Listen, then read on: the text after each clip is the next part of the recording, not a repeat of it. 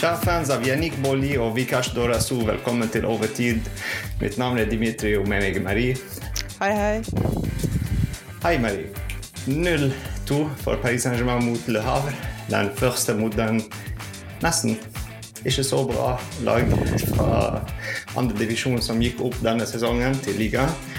Men de klarer faktisk å gjøre bra i ligaen. Og så hvis du ser på resultatene de har fått De har ikke skåret mange mål, uh, men de uh, er bedre enn Lyon, la oss si. Så, så jeg tror det var i den uh, mentalitet Luis Henrique tenkte å sette opp laget i dag. Et lag som skårer ikke så mye mål. Da kan vi starte med Soler kanskje bak. et lag som skårer ikke så mange mål. Og uh, kanskje vi kan starte med Barcola fra starten. Så vi endte opp med at vi måtte bytte veldig tidlig to ganger. Med å ta ut to av de viktigste spillere, kanskje midtbanen. eller en av de viktigste spillere i midtbanen, Ruiz, ut av de tre som vi har igjen. altså rødt kort for Donnaroma veldig tidlig i kampen som gjorde at uh, vi så uh, Tenas komme inn for første gangen for Paris Saint-Germain. Og uh, han gjorde en stor kamp. Ja. ja definitivt.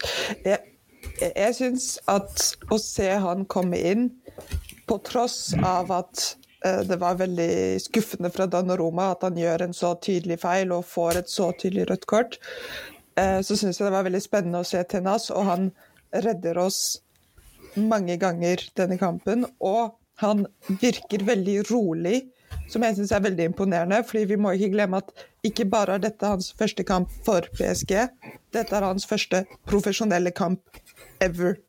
Så, å tenke at han kommer inn i en så stressende situasjon hvor de spiller ti. Eh, Donnaroma har akkurat gjort en stor, stor feil.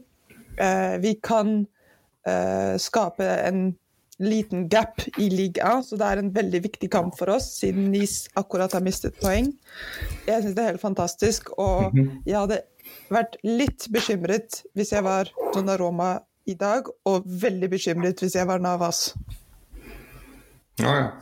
Faktisk. Vi så uh han spiller i, faktisk bra med beinet og ikke bare at han er god å stoppe ballen, men uh, han har litt av den uh, jeg, altså, Måten jeg så han, litt av den uh, unge Terstegen keeper-type. Mm. Ja.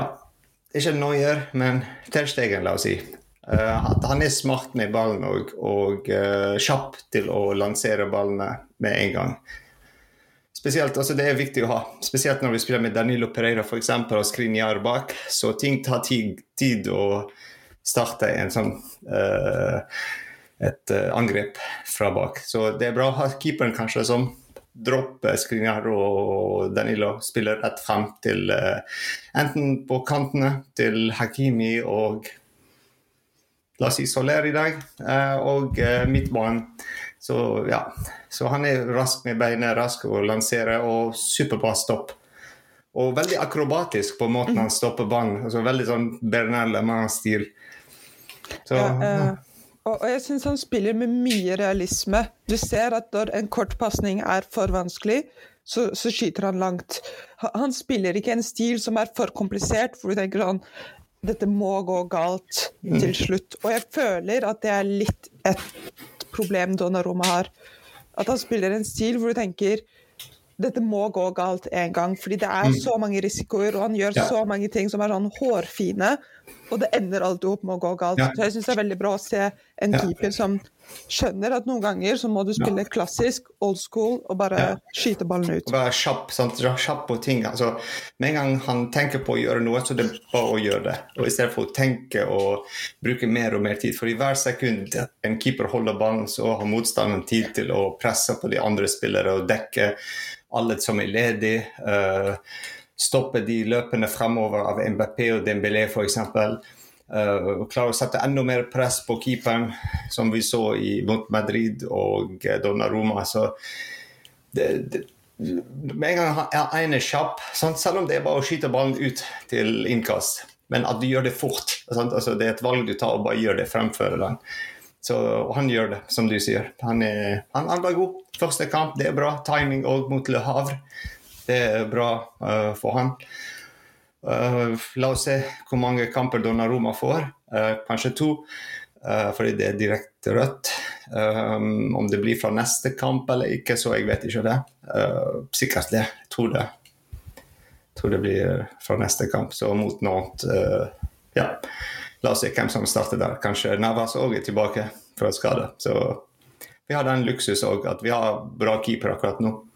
Og alle vet hvor rollen sin er. Ingen som er irritert på at de sitter på benken. Eller. Mm -hmm. Og de er klare for å ta sjansen når de kommer inn. Ja, men jeg, jeg vil ikke helt åpne keeperdebatten igjen.